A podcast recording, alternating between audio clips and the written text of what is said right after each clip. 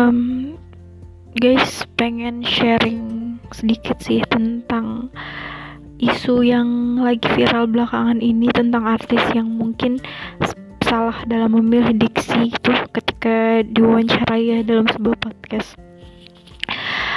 Apalagi tentang perbandingan antara si kaya dan si miskin gitu ya. Mungkin gue sendiri nggak bisa nyalahin si artisnya juga gitu. Karena ya dia punya perspektif sendiri dalam membangun argumennya tentang si kaya dan si miskin ini pun ketika dia mengklarifikasi bahwa itu bukanlah hal yang dia maksud ya nggak apa-apa gitu. Tapi ya publik gak bisa nerima itu dan dia harus siap dengan konsekuensi yang dihadapinya gitu. Jadi menurut gue gitu tentang si kaya dan si miskin ini sebenarnya hal yang rumit juga karena ya banyak orang yang bercita-cita untuk menjadi orang kaya bukan menjadi orang miskin gitu. Ya gak sih? Dan banyak orang yang bilang kalau misalnya kita udah bekerja keras kita akan mendapatkan kesuksesan yang mungkin sama seperti orang lain gitu. Punya uang banyak rumah mewah kendaraan mewah gitu sporty dan lain-lain gitu. Tapi menurut gue pribadi sih nggak gitu konsepnya.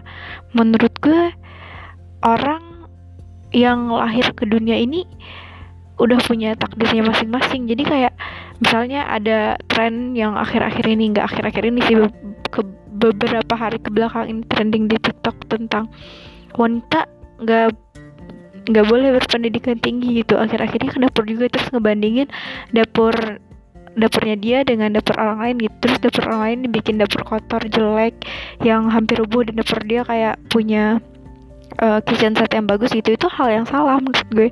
Karena yang pertama adalah yang harus diketahui miskin itu bukan pilihan gitu. Karena gue pernah ketemu sama orang yang ya emang hal itu yang harus dihadapin gitu. Gue pernah ketemu sama orang yang dia punya effort kerja atas kerja yang tinggi gitu. Pergi pagi pulang malam gitu terus ibadahnya laji rajin lancar dakwahnya jalan terus gitu. Tapi ya standar hidupnya pas-pasan gitu. Bahkan kayak dia nggak punya rumah mewah. Rumahnya semi permanen kayu bisa dibilang gitu lah ya. Terus uh, kendaraan yang dia punya dia nggak punya kendaraan sama sekali gitu. Ya tandanya apa? Tandanya setiap orang yang ada di puncak kesuksesan seperti yang kita lihat sampai sekarang ini ya karena dia berusaha dia mendapatkan semua itu gitu. Karena usaha dia dan jalan dia di situ gitu. Ngerti gak sih? Kayak ya itu emang udah takdirnya kalau misalnya dia berusaha maksimal gitu sih menurut gue.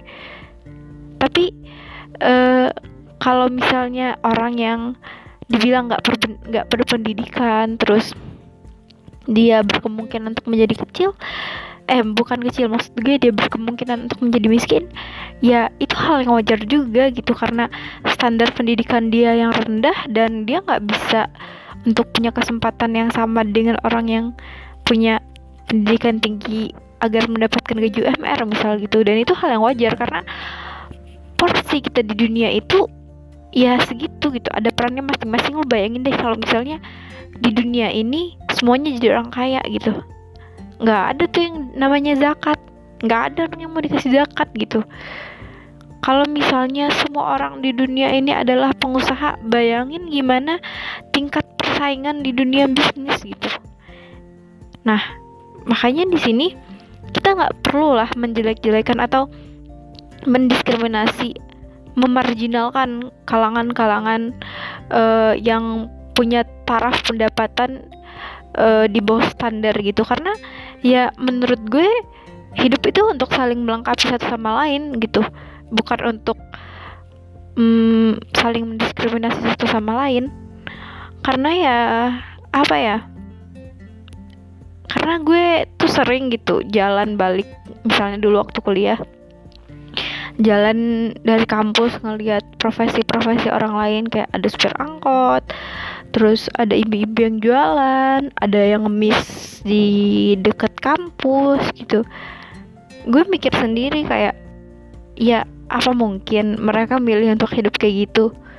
Ya enggak cuy gitu. Karena ya itu usaha usaha yang bisa mereka lakuin pun kalau misalnya ada orang lain yang malas buat kerja dan malas buat usaha dan dia jadi miskin gitu ya itu juga udah pilihan dan takdir yang dia dapetin gitu kalau menurut gue karena pun misalnya gue kasih contoh seorang pemulung gitu emang dia nggak berusaha dia berusaha cuy dia murung buat dapet duit gitu.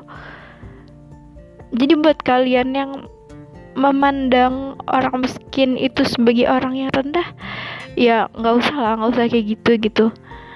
Karena kalau misalnya dibalikin ke lu Tuhan tuh tahu atau atau Allah tuh tahu kalau misalnya lu nggak bisa dikasih hidup yang miskin ya udah Tuhan ngasih ke lu kehidupan yang layak asalkan lu mau berusaha gitu.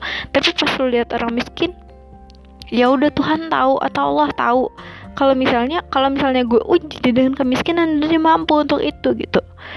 Makanya Allah kasih dia hidup yang seperti itu gitu.